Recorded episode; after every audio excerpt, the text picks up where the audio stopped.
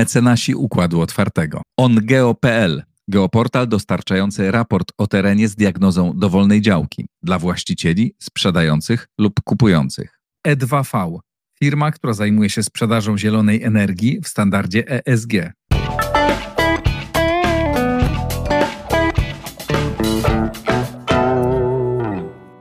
No dobrze, e, znowu ten sam duet. E, Łukasz Jasina, Łukasz Adamski, tak.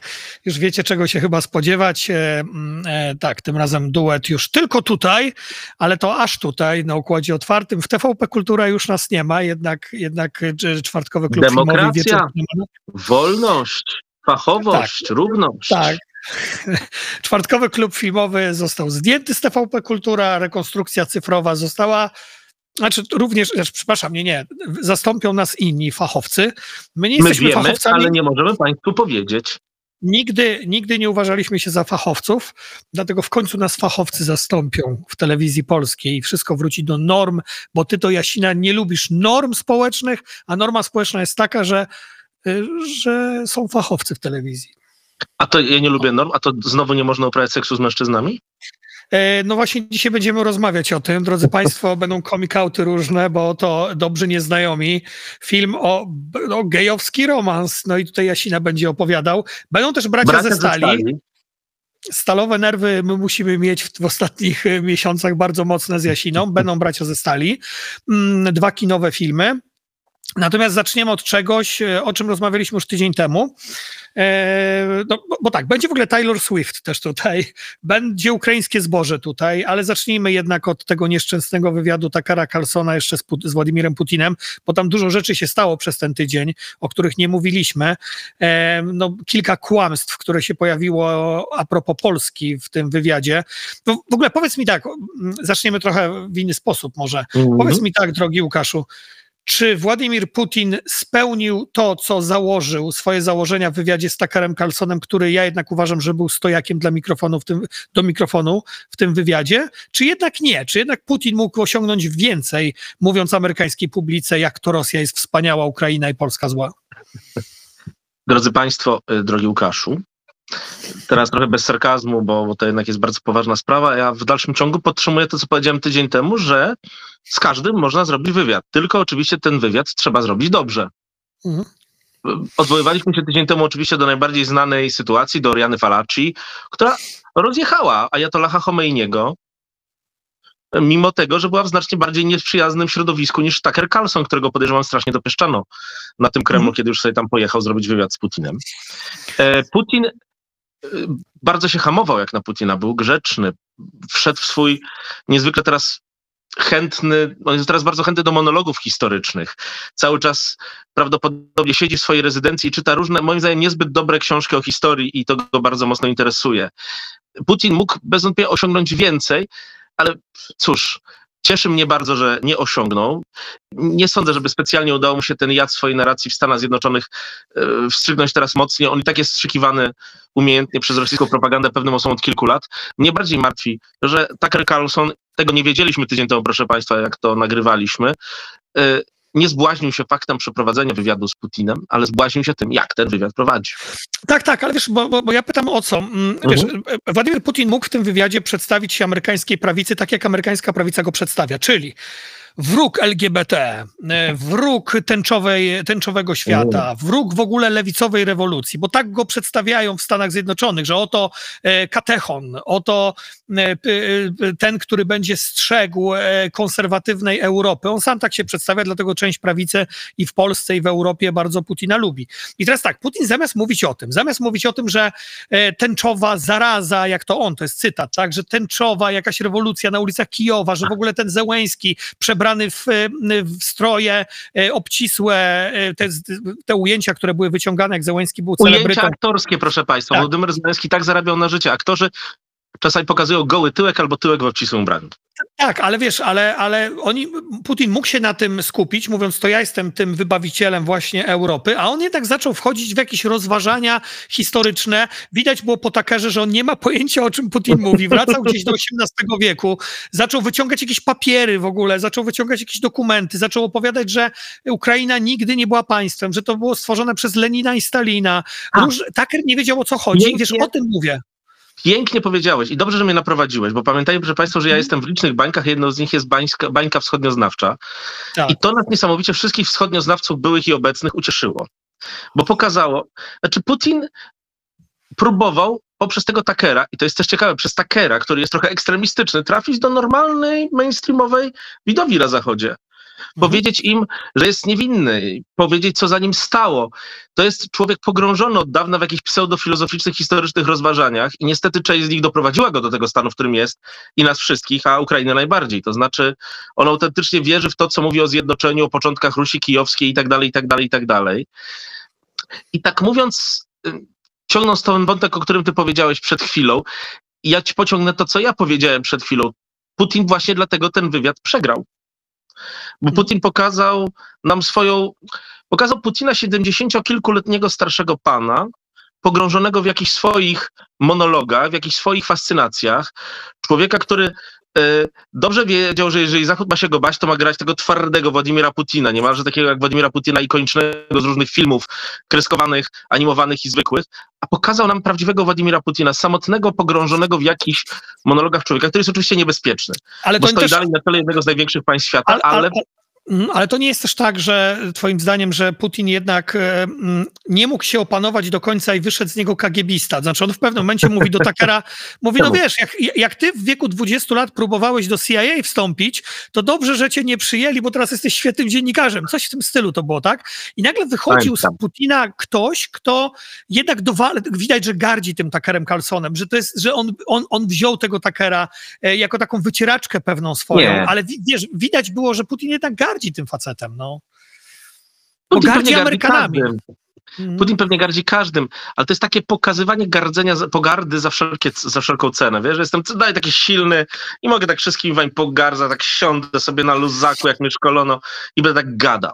Ale wielkiej siły Putina to nie dowodzi, bo on jednak musiał z jakiegoś powodu tylko tego pana Carlsona ściągnąć do Moskwy i jego sobie wybrał. A w tym, co powiedziałeś, to jest też taka dziwna sytuacja, w której są całkowicie pogrążeni w samotności dyktatorzy. Oni tak próbują, kiedy przyjeżdża do nich gość z tego innego zupełnie świata, gość mimo wszystko im niepodległy, w jakiś tam sposób, mm. chociaż życie Carlsona nie zależy od Putina, poopowiadać o różnych swoich sprawach, tak trochę powspominać i tym podobne rzeczy. E, i to cały czas pokazuje, jakim samotnym człowiekiem jest Putin i to, że jest groźny tylko dlatego, że my ciągle wierzymy w jego groźby. Tak, ale to też, bo oczywiście no, Putin mówił te wszystkie absurdalne rzeczy o Polsce, że kolaborowaliśmy z Hitlerem, tak, że, że w ogóle zmusiliśmy Hitlera do ataków w 1939. Pytał, dlaczego on zaatakował Polskę tak naprawdę, bo, o, e, bo to, to była wina Polski. To jest tak. groźniejsze, kochany, bo Adolf Hitler, proszę Państwa, przed II wojną światową też w wywiadzie powiedział, że zaatakuje Polskę tylko wtedy, kiedy ona go zaatakuje. A jak Polska nie chciała Hitlera zaatakować, to zorganizował ten atak. Wiecie Państwo, Rosjanie też byli dobrzy w organizowaniu tego typu prowokacji, więc tu bym się nie śmiał. Tak, tak. No i wiesz, problem, wiesz, po, y, jak Później, jak później Tucker Carlson pojechał na, e, na jedno ze spotkań e, na szczyty, na światowy szczyt rządów e, w Dubaju, mhm. to podczas tego wystąpienia no, jakieś, jakieś, jakieś absurdalne rzeczy mówił. To znaczy powiedział, że tak, że on był pierwszy raz w ogóle w Moskwie i ta Moskwa jest czysta, bezpieczna. Ta Moskwa jest bezpieczniejsza niż większość amerykańskich miast, że amerykańskie miasta upadają, no a jednak Moskwa Putina nie upada. I wiesz, po czym wstał jeden z dziennikarzy, nie pamiętam już z jakiego kraju, mm, i zaczął go pytać o to, no dobrze, ale dlaczego nie zapytałeś e, Putina o więźniów politycznych? Dlaczego nie zapytałeś o łamanie wolności mhm. słowa i o zabójstwa polityczne? Na co Carson mówi coś, czego nie powstydziliby się najwięksi pożyteczni idioci w czasie e, zimnej wojny. Mówi coś takiego, no mój rząd też morduje ludzi. E, wszystkie rządy mordują ludzi. U nas też nie ma wolności słowa. Oczywiście nie jest tak jak w Rosji, ale u nas e, nie ma wolności słowa w amerykańskich mediach. Ja pracowałem wielu, w tym Fox i wiem, co się działo. Nie ma wolności. I wiesz, patrzysz na gościa, który zarabia rocznie, nie wiem, 40 milionów dolarów, który może pluć na Joe Bidena jak tylko chce i on porównuje Stany Zjednoczone do Rosji. No nie, panie Tucker, w, w Rosji, gdyby pan tak pluł na e, Putina, tak jak pluje pan na Bidena, to dostałby pan kulkę w łeb i to swoją ręką i rzucił się jeszcze przez okno. W tym no, czasie... Trochę by to pewnie i, wyglądało, tak. bo jeszcze pewnie by go trochę potorturowano, jakby był ważny, to pewnie raczej byłby na emigracji, ale... Ta, ale, na pewno, ale, na, ale na pewno uznano by, że popełnił samobójstwo. Dowcipy, tak? dowcipy, nikt by tego nie uznał, akurat za bardzo wiem, jak Rosja wygląda. Otóż pomijając kwestię jako człowiek, który parę razy więcej jednak i dokładniej był w Moskwie niż Tucker Carlson, bo widziałem nie tylko Kreml czy rezydencję prezydenta. Oczywiście potwierdzam, że Moskwa jest miastem bardzo czystym i rzeczywiście czystszym od większości miast amerykańskich. Nowy Jork na Manhattanie w odległości kilku metrów od ONZ to wygląda straszliwie, ale powiem Państwu tak, najczystszym miastem to jest Pjongjang, to są Pjongjang, Mińsk białoruski jest bardzo czysty. Czystość nie jest w tej chwili, też w każdym z tych miast byłem, proszę Państwa, i ta czystość nie jest absolutnie żadnym wymogiem e, E, e, prawidłową, wiecie, proszę Państwa, mój rodzinny Hrubieszów jest znacznie czystszy od Los Angeles i to nie znaczy, że Hrubieszów jest ważniejszy. Pan Carlson po prostu i poprzez to, co też mówił w Dubaju na, tych, e, na tym wystąpieniu, że on do tego Dubaju trafił dość przypadkowo, proszę Państwa, bo musiał coś tam robić podczas przesiadki. Tucker mhm. Carlson nie mógł bowiem sobie bezpośrednio na szczęście polecić samolotem czarterowym z Nowego Jorku do Moskwy. Ale mhm. e, powiedział rzeczy strasznie głupie, takie rzeczy, które właśnie można mówić w demokratycznych państwach, bo wiecie, mieliśmy już kiedyś Jane Fondę, która pojechała do północnego Wietnamu e protestować przeciwko własnemu krajowi, ale są to Hanoi rzeczy... Jane. Hanoi Jane. Pozdrawiamy Jane Fondę, wielką aktorkę, e, która później pomagała Solidarności. Ale... To, tylko, to tylko pokazuje, jak świadomi są celebryci w Stanach Zjednoczonych i jak I tu, rozumieją. Mój głos wewnętrzny mówi, Jasina nie rób aluzji krajowej, Jasina nie rób aluzji krajowej, Jasina nie rób aluzji krajowej, twarde nerwy ale żarty żartami. To jest rzecz y, nawiązująca do tego, co mówiliśmy kilka podcastów temu, chyba jeszcze za czasów złej jakości połączenia ze mną.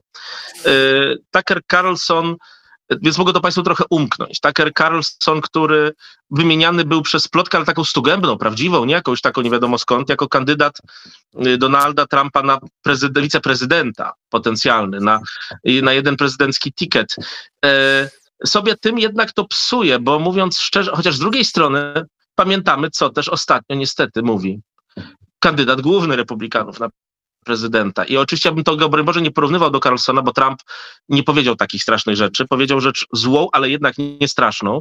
I w Polsce ta krytyka była trochę za mocna, ale to nie idzie w dobrym kierunku, proszę Państwa. O, tak powiem dyplomatycznie. No tak, tak. No oczywiście w Polsce prawica, która bardzo lubi oszukiwać sama siebie, uznała, że Trump tak ale naprawdę ta krytykował Niemcy. Ale się nie oszukuje, więc wiesz. E, e, tak, tak.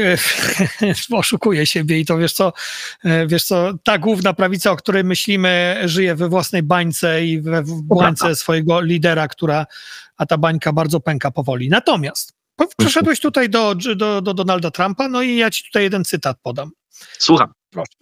Nie ma mowy, to nie do ciebie. Nie ma mowy, by mogła poprzeć Joe Bidena, najgorszego i najbardziej skorumpowanego prezydenta w historii naszego kraju i być nielojalna wobec człowieka, który zarobił dla niej tyle pieniędzy. To Donald Trump powiedział o Taylor Swift. E, Taylor Swift, e, e, która w Taylor Swift zeszłym... o Donaldzie Trumpie.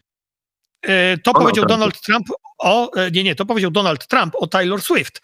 E, mówił, że Taylor Swift popiera najbardziej skorumpowanego prezydenta w historii naszego kraju, a on, a, on, a on dla niej zarobił bardzo dużo pieniędzy. I teraz o co chodzi? Taylor Swift to jest gwiazda pop, ale to jest gwiazda pop, która wylądowała w zeszłym roku na okładce no magazynu Time. Time, Time Magazine. To jest naprawdę duża rzecz. Nas to może dziwić, Amerykanów to zupełnie nie dziwi. To jest artystka, która ma no, absolutnie gargantuiczną, e, gargantuiczne poparcie wśród swoich fanów. Mhm. Mm, to, jest, to jest taka artystka, na której to koncerty ludzie przyjeżdżają tydzień wcześniej i rezerwują sobie miejsce. To jest niemalże sekta. I teraz wiesz, ona się związała z, mm, ona się związała z futbolistą amerykańskim Travisem e, Kells, którego Gratulacje, to, pewnie przystojny mężczyzna. Tak, którego to Donald Trump i inni nazywają panem Pfizerem, bo on e, promował szczepionki, a przecież to już nie wolno, nie no. Mm, I wiesz, oni, no i jak wiemy, ostatnio był finał Super Bowl, czyli, czyli, mm, e, czyli gdzie Kansas City Chiefs tak grali San Francisco San Francisco 49ers i wiesz, tam jej chłopak właśnie gra i to jest największa gwiazda w tej chwili futbolu amerykańskiego, więc oni są taką dużo lepszą wersją Brad, Brad Jeliny. Wiesz, to jest najważniejsza para w tej chwili w amerykańskim show biznesie. Czołowy piłkarz futbolu amerykańskiego i czołowa artystka. No to wiesz, no to jest niesamowite kombo. No i teraz e, powstała w Stanach Zjednoczonych teoria spiskowa, drogi Łukaszu która to mówi, że Taylor Swift, y, prawica amerykańska, szerzy taką teorię, że Taylor Swift to jest agentka Pentagonu, że ona została zaprogramowana przez Pentagon po to, żeby, i ona miała podobno podczas Super Bowlu wyjść, o, y, y, Mr. Pfizer miał się jej oświadczyć i ona podczas tych oświadczyn miała powiedzieć, że, e, że to są tak wspaniałe oświadczyny jak prezydentura Joe Bidena i żeby wszyscy głosowali na Joe Bidena, no i w ogóle, że, że Pentagon ją zaprogramował w taki sposób, żeby ona popierała Joe Bidena. To jest o tyle absurdalne, absurdalna teoria, że Taylor Swift od dawna popiera Joe Bidena od 2020 roku, mhm. ale faktycznie, wiesz, według jednego z artykułów Newsweeka, w sondażu przeprowadzonym dla Newsweeka, okazało się, że 18% wyborców amerykańskich twierdzi, że jest bardziej prawdopodobne lub znacznie bardziej prawdopodobne, że zagłosuje na kandydata popieranego przez Taylor Swift. I Donald Trump y, wpadł w absolutny szał. Taylor Swift jest podobno agentką Pentagonu i tam CIA i w ogóle.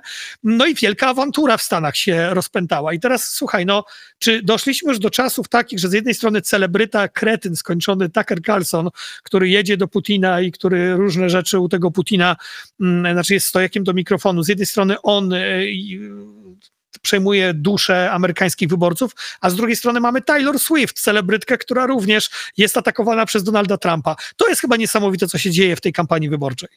Oj, rozgadał się kolega, ale słuszne rzeczy nam chyba opowiedział, więc teraz mhm. pora na mnie, wiesz. Tak, ale to wszystkim jest pokazanie świata, w którym istniejemy.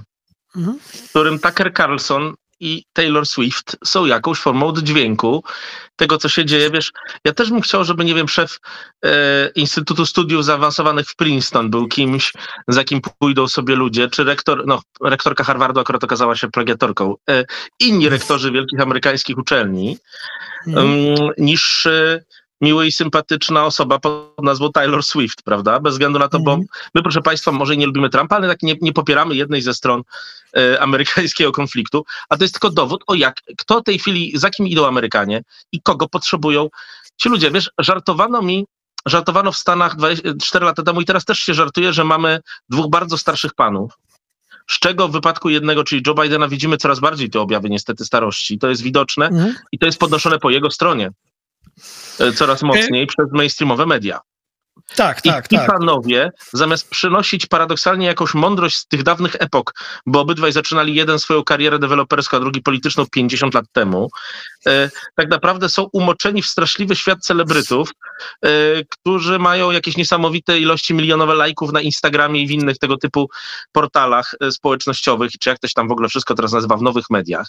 I to jest kampania, w której jeżeli obywatel, jeżeli obywatel zdecyduje się zagłosować na kogoś, na kogo głosuje, skąd inąd ja lubię Taylor Swift.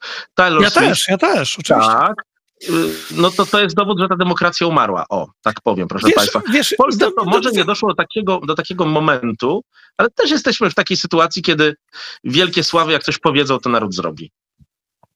No myślę, że aż takiego wpływu Zbigniew Hołdys e, tutaj nie ma. No nie, e, mówimy o prawdziwych pana... gwiazdach, a nie o Zbigniewie Hołdysie, wiesz? E, tak. E, wiesz co, no, ja akurat z, tej, z tego tercetu, tercetu, który jeszcze został, bo ja nie liczę tego oszalałego Roberta Kennedy'ego, e, który, który też który opowiada abs absurdalne rzeczy i on paradoksalnie może zabrać trochę wyborców Trumpowi, mimo tego, że jest mhm. demokratą. Ale wiesz, ja jednak cały czas no, mam taką nadzieję, chociaż to jest naprawdę już nadzieja, wiesz, nadzieja umiera ostatnia, że jakimkolwiek cudem, co jest niemożliwe, ale jakimś cudem Nikki Haley dostałaby tą nominację. E, wiesz, ja Trump się przeżegnam, też... proszę Państwa, na tą intencję, ale Pan Bóg chyba w wypadku Stanów Zjednoczonych ma włożone słuchawki i nie słucha. Wiesz, no też, to też było paskudne, co ostatnio Trump zrobił, bo on zaczął się nabijać z męża Nikki Haley, mówiąc, mhm. gdzie on jest, gdzie jesteś, a on służy w amerykańskiej armii za granicą. No naprawdę, wiesz, Trump po raz kolejny szydzi sobie z weteranów wojennych, to samo robił z Johnem McCainem, wielkim mhm. bohaterem, który kilka lat był w niewoli. A propos Hanoi Jane, zresztą siedział w Hanoi Hilton, bardzo blisko miejsca, gdzie Jane Fonda paradowała na lufie. Do końca życia, proszę tak. Państwa, nie mógł John McCain podnieść rąk w takim geście pozdrowienia swoich wyborców, bo po prostu stracił w nich czucie. A Donald, a Donald Trump w, w kampanii powiedział, że on woli tych, którzy nie dali się schwytać. E, a propos Johna McCaina. E, natomiast, e, natomiast wiesz, no, zaraz przejdziemy już do filmów, bo tutaj 20 minut gadamy o tej, o tej strasznej polityce, mm, ale słuchaj, coś Państwa, ci zaraz tutaj... Wybaczcie nam, wybaczcie, ale czasami trzeba, zresztą tak. na tym polega, mam wrażenie i przez chwilę będę samochwalny, pewna wada, zaleta naszego podcastu, że łączymy te sprawy. Tak, że łączymy te sprawy. Mm, natomiast sam, wiesz, sam Joe Biden jednak trochę się wzniósł na, na takie wyżyny albo jego sztab popkulturowej, wpisał się w tą narrację trumpizmu, bo słuchaj, od razu po Super Bowl na oficjalnym, na oficjalnym profilu na portalu X Joe Bidena pojawiło się zdjęcie, które zaraz ci tutaj i naszym widzom pokażę, w którym to 80 80-letni Joe Biden jest tak zwanym mrocznym Brandonem, bo jest takie, jest takie, jest taki, e, jest taki wizerunek Joe Bidena jako takiego strasznego właśnie, nie wiem, reptylianina wręcz, który tam wszystkim steruje i dokładnie po tym, jak ta Taylor Swift wyszła, jak ten, jak ten Super Bowl się udał, to Joe Biden wrzucił coś takiego. Just like we drew it up, czyli tak jak to wymyśliliśmy z takim zdjęciem proszę, Joe Biden sam siebie wrzucił w taki sposób. Więc wiesz, Joe Biden chyba jednak jeszcze umie igrać sobie z tą popkulturą i chyba te plotki o tym, że zastąpi go Michelle Obama w ostatniej chwili y, nie są do końca racjonalne. Po pierwsze nie 80, tylko 82. Jedno. ale niedługo będzie dwa, co nie ma akurat dużego znaczenia. Ja cały czas przypominam, że jej królewska mość była w dobrym zdrowiu Elżbieta II do 96 roku życia, więc to mhm. naprawdę jest kwestia indywidualna. Ale te problemy są, proszę Państwa. Nie wiem, czy sztab. Ja różne różne znam sytuacje, że czasami no, tweeta nawet osoba nie zna, ta, która ją rzekomo wstawia. Dobra, miałem nie ujawniać wszystkich szczegółów ze swojej pracy. Ale problem jest zupełnie inny to jednak pewien problem jest. Joe Biden miał bardzo wiele wpadek, a to będzie bardzo męczący rok. Nie da się wszystkiego załatwić. Po prostu w tym momencie bardzo silne jest jeszcze po stronie demokratów jakieś to skrzydełko, które próbuje jeszcze wymienić Joe Bidena hmm. na innego kandydata, którego zresztą jak obydwaj wiemy za bardzo nie ma. Problemem jest też bardzo poważnym to, że jest też bardzo silne skrzydło i chyba jeszcze silniejsze niż to, które nie do końca pragnie Bidena, które chce, żeby był jednak zupełnie inny kandydat, kandydatka na wiceprezydenta. No, Kamala Harris też nie ma dobrych sondaży, wiesz, i we wszystkich badaniach ona naprawdę katastrofalnie wypada przy Donaldzie Trumpie, także wybór, no właśnie Michelle Obama w sondażach dosyć, dosyć ładnie idzie, ale ona nie ma żadnego też doświadczenia politycznego, no ale słuchaj, czy Donald Trump miał w miał. 2016?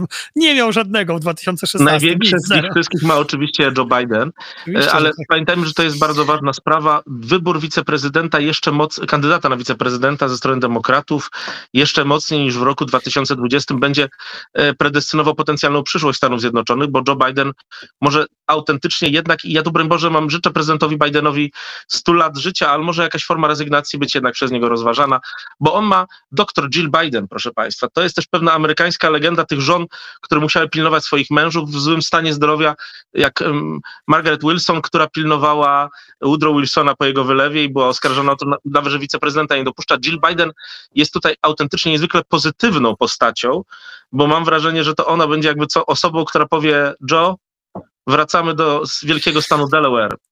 Tak, tak i myślę, że ona nawet ma pozytywniejszy wizerunek niż Nancy e, Reagan, Oczywiście. która też była aktorką, kiedyś była celebrytką, tak, i ją Ciekawe, odbierali. Odwiedziła jeszcze przed mężem Ukrainę i to była bardzo ciekawa podróż, no- obserwowałem ją wtedy. No właśnie, to powiedz mi jeszcze tak na sam koniec tego politycznego naszego wejścia, które coraz więcej tak. zajmuje czasu w naszym programie, chciałem tylko okay. dodać. E, Igor, Igor, Igor Jankę pewnie też się cieszy z tego powodu. Pozdrawiamy Igora. Napisze nam.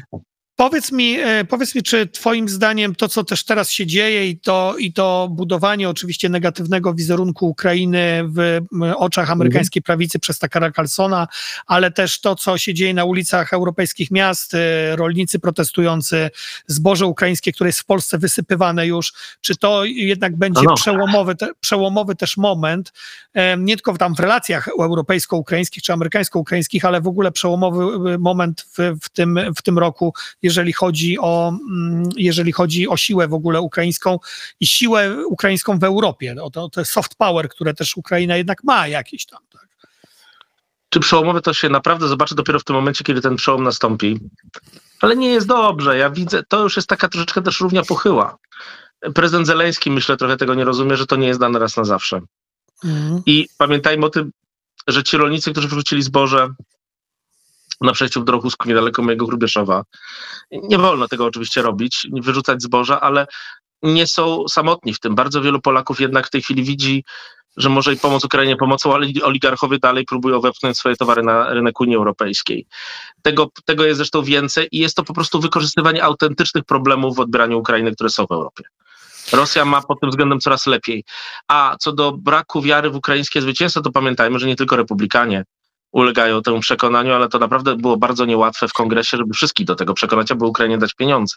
Masz rację, jeżeli Noam Chomsky i libertarianie mówią jednym głosem, czyli to takie skrajne skrzydło antywojenne na amerykańskiej prawicy, no to jednak o czymś to świadczy. Bernie Sanders w jednym szeregu z Tuckerem Carlsonem, jeszcze niech najlepiej, niech najlepiej jeszcze nakręci to wszystko Oliver Stone.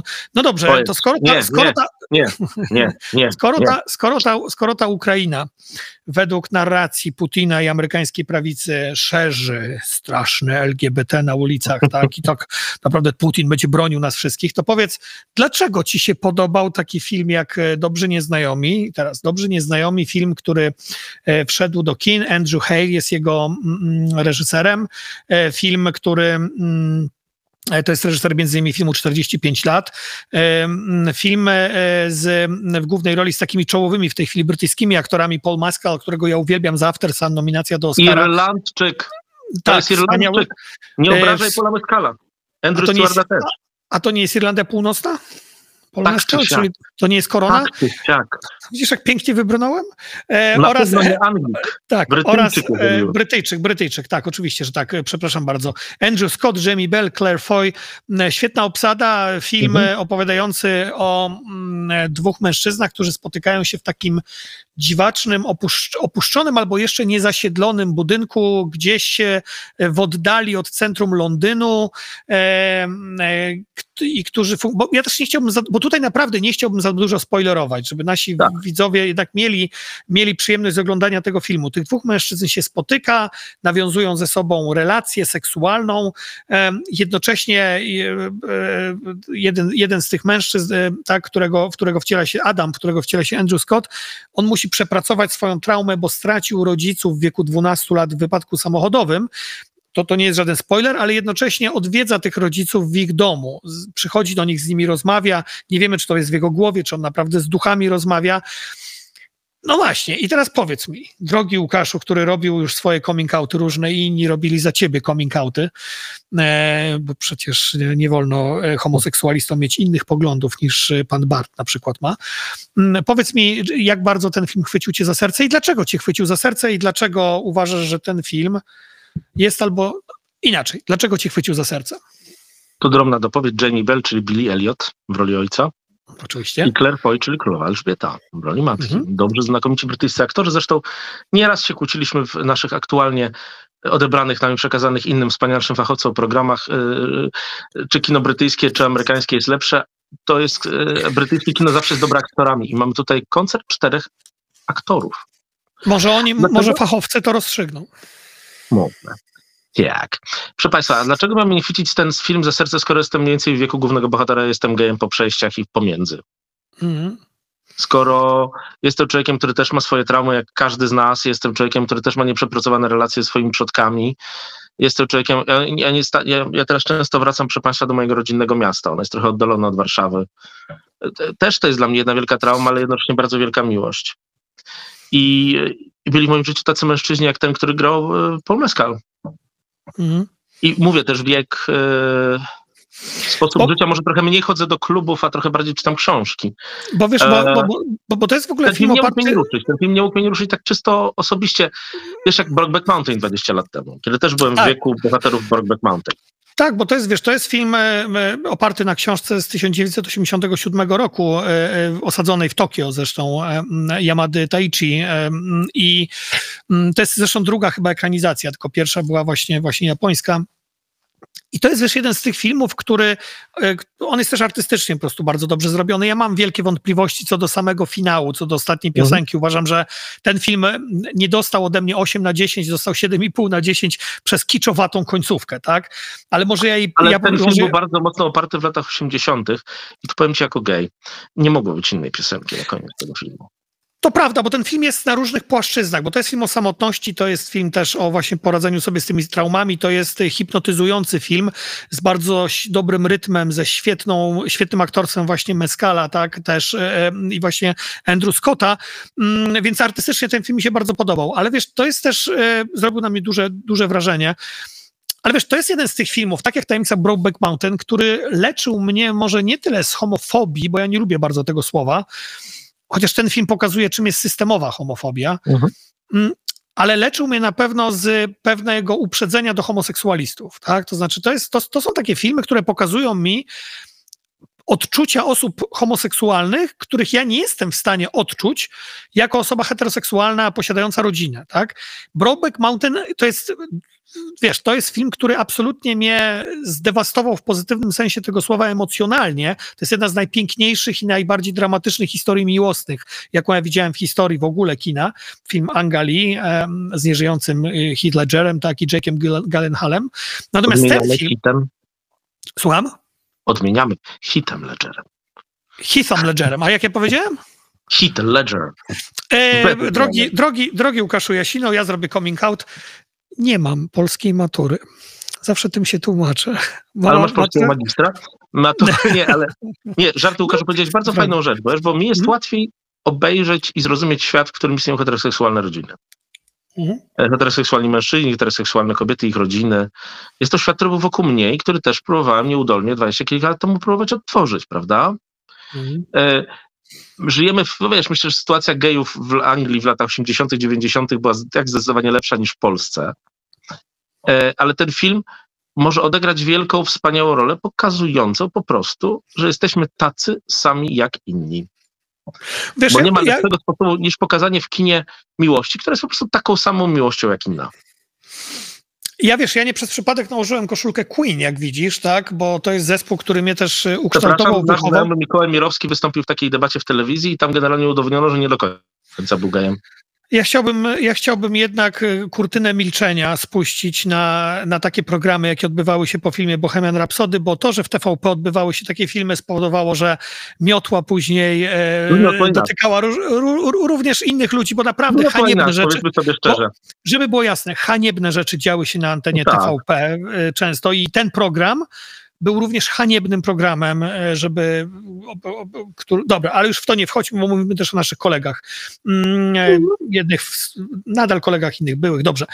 E, Dobrzy Nieznajomi to jest też film, wiesz, który, mm, mhm. który właśnie wpisuje się w tą najlepszą tradycję kina, które nie jest dydaktyczne. Wiesz, bo kiedy cały czas my, to, i teraz ja ci powiem ze swojej perspektywy, tak, kiedy osoba, ja się wywodzę jednak ze środowisk prawicowych i teraz kiedy my zawsze Wybaczam. dostawaliśmy, ja sobie, ja sobie nie mogę czasami. żartuję, żartuję. Ja nie porzuciłem prawicy, to prawica porzuciła mnie. Wiesz, jak pięknie to brzmi.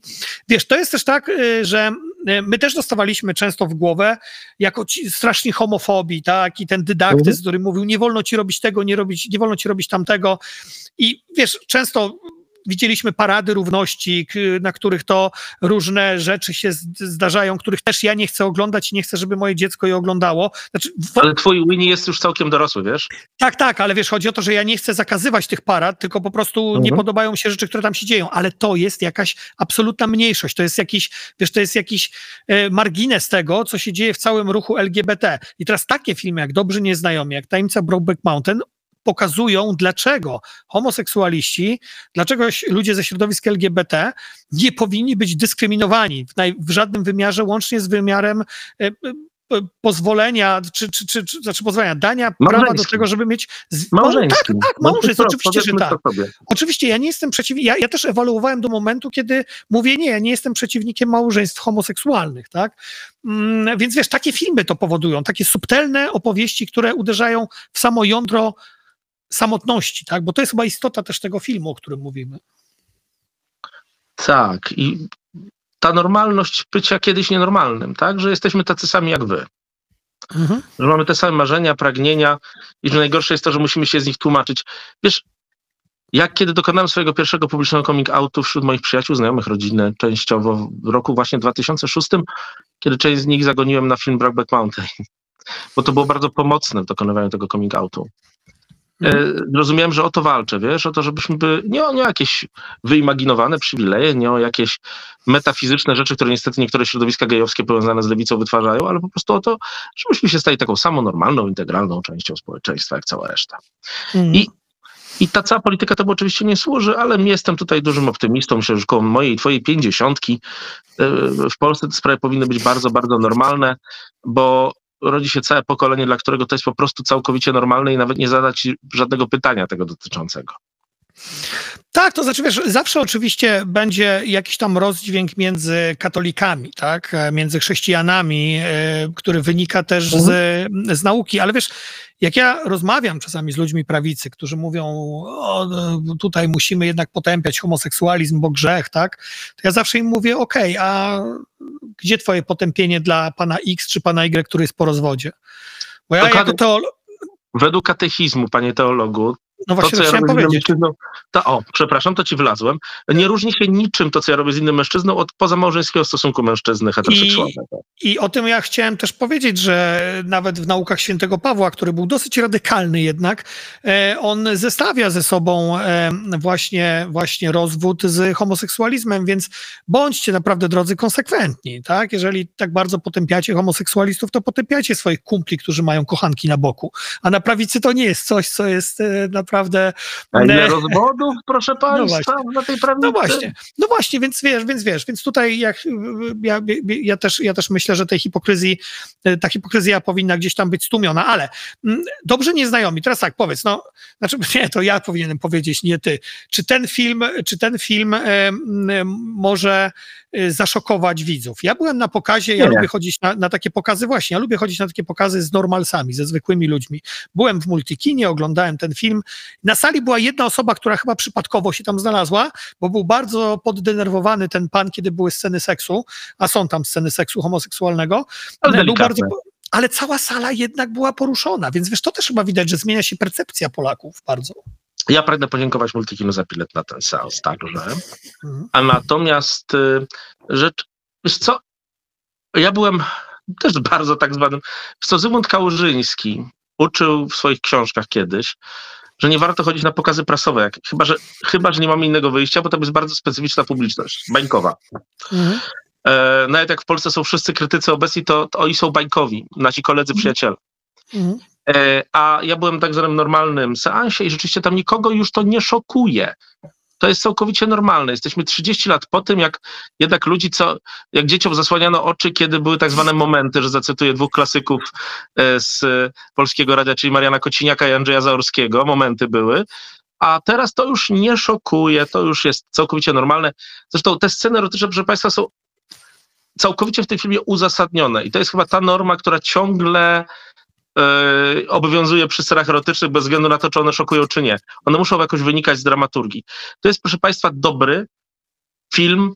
Mieliśmy taki serial jakiś czas temu, Netflixowski, który jeszcze w Lucky Luke omawialiśmy, It's a Sin, tak? Mhm. Też końcówka lat 80., też Wielka Brytania. Tam było to trochę takie za bardzo LGBT+, a tutaj A to, nie, było, to chyba nawet HBO było, tak mi się zdaje. HBO? Widzisz, pomyliło mi się. Tyle tego, panie kolego, oglądamy. Ale Natomiast widzisz... tutaj dwóch tak zwanych też normalsów. Wprawdzie tak. jeden z nich, to państwo zobaczą, nie przetrzyła presji, ale to są dwaj całkowicie zwykli mężczyźni z klasy średniej w Londynie. Tak, i e, bardzo poruszające kino, jak już mówiłem, e, a to, że widzowie w Polsce nie protestują, to wszystko wina pewnie Zełęńskiego i tych, którzy tam e, promują tą ideologię, jak to mówi Władimir Putin. No tak, no wiesz, Władimir Putin przecież on musi mieć rację, tak jak prawica, która mówi, że tutaj seksualizują źli ludzie. Dobrze, powiedz Ach, mi w takim razie, bo teraz, te, te, teraz, teraz przejdźmy. Tak, ja naprawdę polecam ten film, absolutnie mnie wzruszył. Mhm. Brokeback Mountain jest arcydziełem, ten film arcydziełem nie jest, natomiast to jest, pięk, to jest, piękny film o samotności, miłości, mhm. pokonaniu własnych traum i o duchach. Drodzy Państwo, to jest film o duchach. Jakkolwiek nie rozumiemy, jakkolwiek rozumiemy pojęcie ducha. Dobrze, to przejdźmy do von Ericha. przejdźmy do... E, do Dixon? Do filmu. Oni się naprawdę nazywali Adixon? E, tak, y, tak, zmiana nazwiska była na von Erich, tak. E, Iron, Iron, e, Iron Claw, tak? E, tak. To, co ja... oni tak zakładali na, e, na głowę, ten tak z palcami. Ten chwyt. Tak. Tak się nazywa. Po polsku Bracia ze Stali, bo mamy jak zwykle polski tytuł, który ni cholery jest niepodobny do prawdziwego. Tak, tak, tak. Bracia ze Stali, e, Bracia ze Stali, czyli film, który, który dużo lepszy ma tytuł e, e, The Iron Claw, tak, dużo lepszy ma tytuł amerykański, czyli właśnie ten pazur, tak, ten pazur, który gdzieś tam chwyta i nie chce, i nie chce puścić. E, film, e, e, film o Shona Durkina o wrestlingu. Wiesz, że jestem zakochany w amerykańskiej kulturze, wiesz, że uwielbiam amerykańską... Ty, nadzieję, to? E, ja nie rozumiem wrestlingu e, do końca, e, bo wrestling to są zapasy, które jednocześnie są wielkim show, wielkim przedstawieniem, wielkim teatrem, wielkim spektaklem. Mhm. To jest w ogóle ciekawe, że, że ten spektakl, on się narodził w cyrku i to francuskim, który przyszedł do Amerykanów dzięki Mieliśmy, Irlandczykom proszę Państwa, kiedyś Polacy mieli w tym wielkie osiągnięcia. W takim Zbytko Cyganiewicz i mieliśmy jeden z najsłynniejszych zapaśników przełomu XIX i XX wieku. Był nawet o tym taki film debiutancki Filipa Bajona, Aria dla atlety z Krzysztofem Majszakiem z roku 1979. Zresztą w roku, w którym się też ten wrestling, e, akcja tego filmu Iron Claw zaczyna, więc i jest to też rzecz, która do Polski przylazła w latach 90., bo ja sam miałem w Chrubieszowie znajomych, którzy oglądali to przez telewizję satelitarną i jakoś się tym strasznie ekscytowali, a ja, jak wiesz, jak nie patrzeć, jestem z Rednekowskiego miasta polskiego. Wiesz, ale, ale to też. Mimo wszystko nie byłem tak samo jak ty, w stanie kompletnie zrozumieć, o co tu chodzi. Stąd do końca nigdy nie rozumiałem wybitnego filmu Darena Aronowskiego Zapaśnik. O, nie, nie, ja ten film akurat rozumiem, zaraz, zaraz do niego dojdziemy, ale mhm. wiesz, ta fascynacja w latach 90. ona się brała mhm. z tego, że z jednej strony mm, Jesse Ventura, który był później zresztą gubernatorem też, e, on był gwiazdą w wrestlingu i on wystąpił w Predatorze z Arnoldem Schwarzeneggerem, on był tym A, wrestlerem. Hulk, Hulk Hogan to jest e, kolejna wielka gwiazda, który wystąpił również w Rocky 3, e, zagrał samego siebie, więc wiesz, ten wrestling wchodził do nas przez, przez tą popkulturę, a wrestlerzy stali się wielkimi gwiazdami, bo ja tutaj wymienię, no słuchaj, powiedziałem tutaj o, o Venturze czy o Hoganie, ale Dwayne The Rock Johnson to jest wrestler. Dave, Dave Bautista to jest e, wrestler. John Cena to jest wrestler. To wszystko Ten są... To, tak, Ale to wszystko taki są, inteligentny jak gra. Tak, tak. I to są wszystko wrestlerzy, tak? To są wszystko zapaśnicy, którzy występują w tym przedziwnym spektaklu. Wiesz, Darren Aronowski w bardzo ciekawy sposób pokazał ten spektakl, bo on pokazał starzejącego się e, gwiazdora z lat 80., wyjętego, który jeszcze słucha Guns N' Roses, Mickey Rourke go zagrał, przegrał Oscara z Seanem Pennem za rolę. Kogo? E, niesłusznie, ale za rolę kogo? Harveya Milka, czyli ikonę ruchu LGBT. Wszystko nam się zazębia. Ja uważam, że Mickey Rourke zasłużył wtedy na Oscara. E, oczywiście Darren Aronowski bardzo lubi cielesność, przeciwstawiać duchowości. On dlatego też wziął tą mhm. historię człowieka, który ma to ciało bardzo zniszczone. Ale oto dostajemy film. Mm, o, mm, o klanie mm, von Erichów, tak? To jest taki klan, e, większość tych, e, tych, tych, i teraz właśnie nie wiem, czy możemy spoilerować, czy nie, ale Myślę, że możemy, proszę Państwa. Tutaj możemy. Na mnie, niech wszystko będzie w tych komentarzach na sługę Ukrainy, dobrze? E, niech będzie na sługę Ukrainy, a jeżeli nie chcecie spoileru, no to tutaj możecie wyciszyć akurat. Ale mm, Fritz von Erich to był wybitny wrestler, w niego wciela się Holt McCallany, on jest znany z serialu Netflixa Davida Finchera o agentach FBI, e, którzy profilowali e, przestępców, Mindhunter. Mm, I on e, walczył w latach 80., nigdy nie wywalczył tego najważniejszego 40., 50., 60. E, przepraszam, w 40., 50., 60., tak, tak, przepraszam, oczywiście jego synowie walczyli w 80. Mm, on nie wywalczył w 90. tego najważniejszego pasa mistrzowskiego WWE, mm, ale założył w 1966 roku Dallas World Class Championship Wrestling, czyli WCCW. I to była taka mm, ta organizacja właśnie w Teksasie, gdzie e, organizowano te walki wrestlerów i amerykańska telewizja transmitowała to, ale ona nigdy nie, nie stała się taką czołową organizacją od tych właśnie walk. I on bardzo chciał zdobyć ten, e, ten pas, e, ale od początku jego rodzinę prześladował, no właśnie, pech. Już w wieku 6 lat zmarł jego pierwszy syn, został porażony prądem przy wodospadzie Niagara, znaczy w mieście Niagara. I później przez całe lata 80. i 90. kolejne tragedie dotykały mm, jego e, kolejnych synów. Jeden z tych synów, Kevin, e, e, Zac Efron w niego się wciela, on w ogóle uważał, że jest jakaś rodzinna, mm, rodzinne fat, jakiś fatum, które wisi nad tą rodziną, jest klątwa. Dlatego, że ojciec zmienił nazwisko na von Fritz, tak? Właśnie. Von Erich. Erich, na von Erich, tak, tak, Fritz von Erich. No i, i, dostajemy historię właśnie tych braci, mhm. którzy toczą, e, toczą te wojny na ringu. Ich ojciec jest bardzo surowy, ale ty chyba bardziej się utożsamiasz z tym, z tym ojcem niż ja. Bo wiesz, jest, ha, i to jest właśnie dziwne, bo ty jesteś w przeciwieństwie do mnie ojcem. Mhm. tak. Czy wiesz co, ja jestem człowiekiem, który wiele życiu stara się osiągnąć i i nie ma nawet tego jednego luksusu, który ma pan e, von Erich w tym filmie. Nie mogę tego przerzucić na dzieci, bo ich nie mam. Muszę wszystko osiągnąć sam. Zaprawdę, wierzcie i Państwo, jest to męczące. Zwłaszcza kiedy ma się kryzys wieku średniego. Natomiast jest to film bardzo mocny, pokazujący upadek rodziny. Rodziny, dla której rodzice bardzo ciężko pracowali, a potem ojciec, który ją najpierw zbudował, tak naprawdę ją niszczy poprzez nieczułość na mhm. swoich synów. Bo proszę Państwa, z wyjątkiem głównego bohatera, no, w pewnym momencie ich brakuje to musimy niestety zaspoilować. Jest to yy, i jest to też sport, który, który gruncie rzeczy nie jest czymś takim niszczącym. Oni to lubią robić. Robią to wprawdzie dla ojca, lubią to robić. Są lubiani przez większość zawodników. Nie znajdziecie Państwo tam jakichś strasznych konfliktów międzyludzkich, prawda? Yy, jakichś makiawelicznych spisków, ale człowieka, którego ambicja niszczy tych, dla których tą ambicję ma. Tak, bo to jest, wiesz, bo to nie jest film sportowy klasyczny, to nie jest film, znaczy on ma wszystkie Wreszcie elementy... To jest sport przede wszystkim. Tak, y, wiesz, i to jest właśnie to, pytanie, czy to jest sport, czy nie, bo to z jednej strony jest teatr i przedstawienie, ale z drugiej strony to, co oni robią na tym ringu, czy na tej mhm. scenie, y, wymaga naprawdę bardzo, bardzo dużej y, sprawności fizycznej, wiesz, to jak Zac Efron też wyrzeźbił swoje ciało do tego filmu jest absolutnie imponujące, ale to nie jest film sportowy, on ma elementy oczywiście kina, takiego jak on ma te wszystkie walki, które są bardzo dobrze pokazane. Mm, natomiast to jest film bliski zapaśnikowi, bo to jest film o cenie, jaką się płaci za tą doskonałość, tyle że w zapaśniku to Mickey Rourke był tym wrestlerem, tym, tym, tym, tym zapaśnikiem, tą gwiazdą lat 80., która niszczyła własne ciało, niszczyła relacje z własną córką, żeby tylko osiągnąć sukces, a tutaj oni są przymuszani przez ojca. Ojca, który, który tak bardzo chce sukcesu, że zabrania nawet, kiedy jeden z tych braci umiera zresztą umiera w Japonii, tak, w Tokio podczas tournée, ten ojciec nie pozwala reszcie synom płakać. Mówi, nie wolno wam nie tylko płakać, ale nie wolno wam nawet założyć okularów ciemnych, żeby na pogrzebie nikt nie widział, że wy jesteście słabi. E, ojciec mieszka na farmie z nimi, gdzieś w Teksasie. No, czym jest farma w Teksasie często? No, sektą, tak? To jest coś takiego jak sekta. Nie? I wiesz, i. Nie, Teksas nie jest aż taki straszny. No nie, ale wiesz, jednak budujesz swoje, e, swoje uniwersum oddzielne, tak? Budujesz zupełnie świat, który jest odcięty od, e, od, reszty, od reszty gdzieś tam, gdzieś tam społeczeństwa.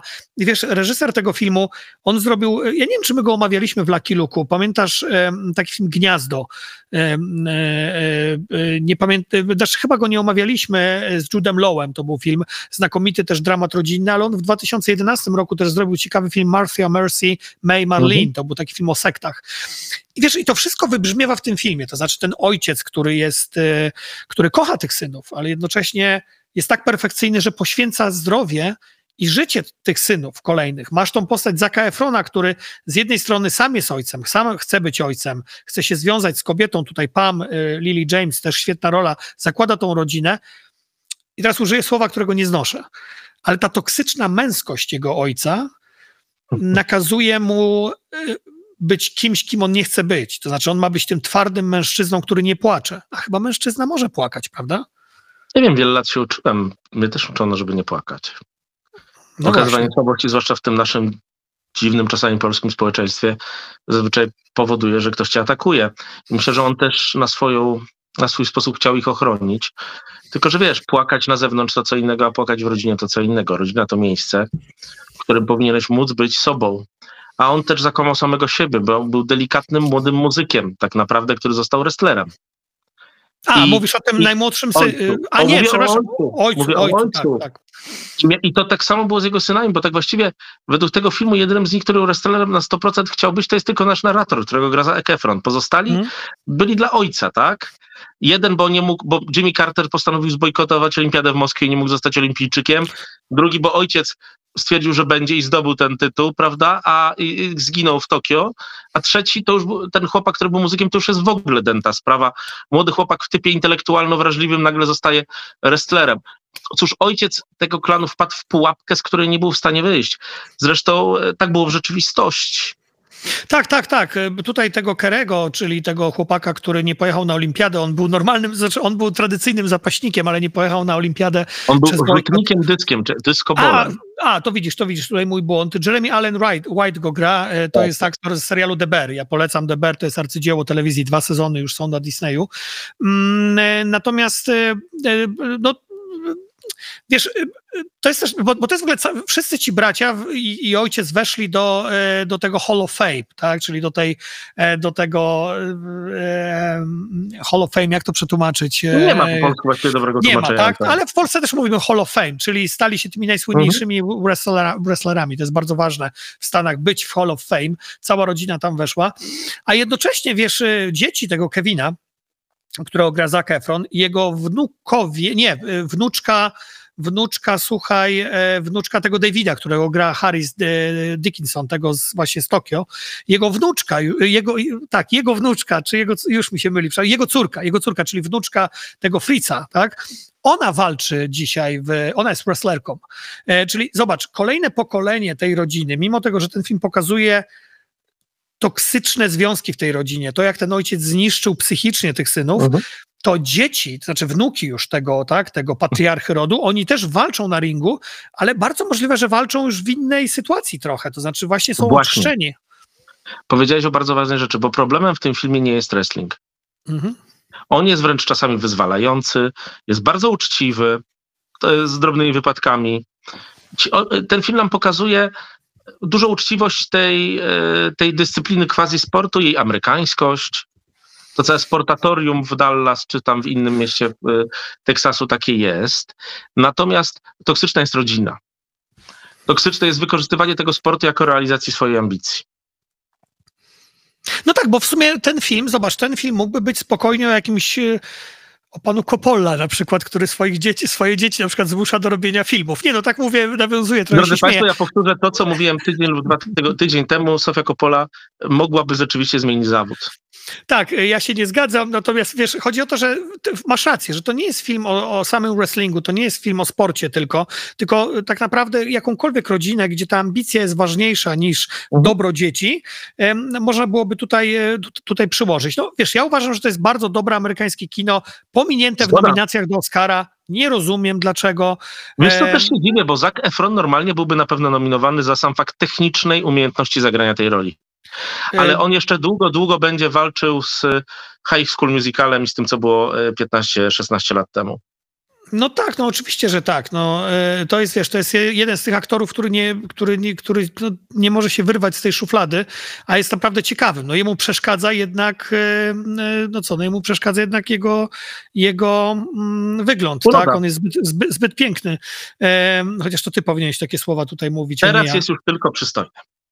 Teraz jest już tylko przystojny, tak. Mm, e, natomiast, natomiast no on walczy z tym swoim wizerunkiem jednak e, mm, e, bardzo mocno i, i, przecież Teda Bandiego, pamiętasz, Teda Bandiego tak. też zagrał, chociaż Ted Bundy akurat był bardzo przystojny. No dobrze, drogi Łukaszu, powiedz mi, bo tak, leci nam już 50 minuta, myślę, że już mają nas dosyć. No, końcóweczka powoli. Powiedz mi, czy, czy, czy jest coś, co byś chciał bardzo polecić od siebie, czy w tym tak. tygodniu nie? Dawaj, strzelaj. Niech Państwo pilnują na HBO Maxie teraz, nie Go, jak kiedyś. Mhm. Serialu, który kiedyś Państwu już reklamowaliśmy w Lucky Luke jeszcze z dawnych dobrych czasów. Serialu Tokyo Vice, serialu pokazującego klaustrofobiczne, ciekawe Tokio z, z białym dziennikarzem, który w tym Tokio się nagle pojawia. Jeden z najfajniejszych, nowoczesnych seriali policyjnych, jaki istnieje na świecie, a ponieważ ja w ubiegłym roku zdążyłem zobaczyć Tokio, to jeszcze bardzo prawdziwy serial o tym mieście. Szukajcie tam i pilnujcie tego serialu. Tak, tak. Pierwszy odcinek e, zrobił mistrz Michael Mann pierwszego sezonu, natomiast ja na sam koniec e, film, a co, zrobię prywatę, film, do którego zdjęcia zrobił nasz a, kolega. Ultima Thule. Micha Tak, Michał Rytel-Przyłomiec, on jest autorem zdjęć, Klaudiusz Rostowski jest reżyserem. Bardzo ciekawy film, który wygrał konkurs mikrobudżetów w Gdyni. Ja miałem też przyjemność być akurat w komisji wówczas mikrobudżetów Rok po Tobie, Polskiego Instytutu Sztuki Filmowej i też czytałem scenariusz tego filmu. Bardzo dobra, bardzo wzruszająca historia właśnie chłopaka, Jakub Gierszał go gra, który, mm, który wyjeżdża no właśnie na sam koniec świata, jak to ten tytuł mówi, Ultimatule, mm, na wyspę tak, e, i w, gdzie chce się zderzyć ze swoimi, tutaj nie będziemy na pewno spoilerować, demonami.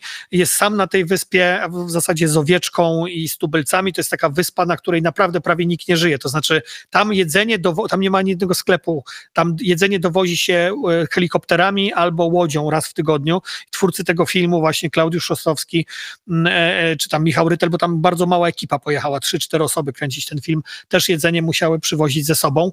Bardzo wzruszające, świetnie nakręcone przez Michała e, kino, które pokazuje też, jak ambitnym aktorem jest Jakub Gierszał, bo on włożył własne pieniądze w ten film. To jest film bardzo niskobudżetowy, on jest producentem tego filmu, świetnie też wypada w tym filmie. Niedługo będziemy mówili o Jakubie, bo Białą Odwagę, drodzy widzowie, oglądaliśmy z Jasiną.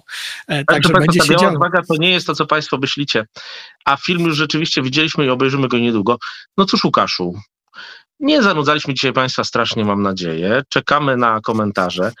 W przyszłym podcaście być może ogłosimy dla Państwa informację o tym, jak można będzie uzyskiwać od nas więcej mm, naszej oczywiście. wiedzy. Mocniej, ale na tak. spokojnie, tak.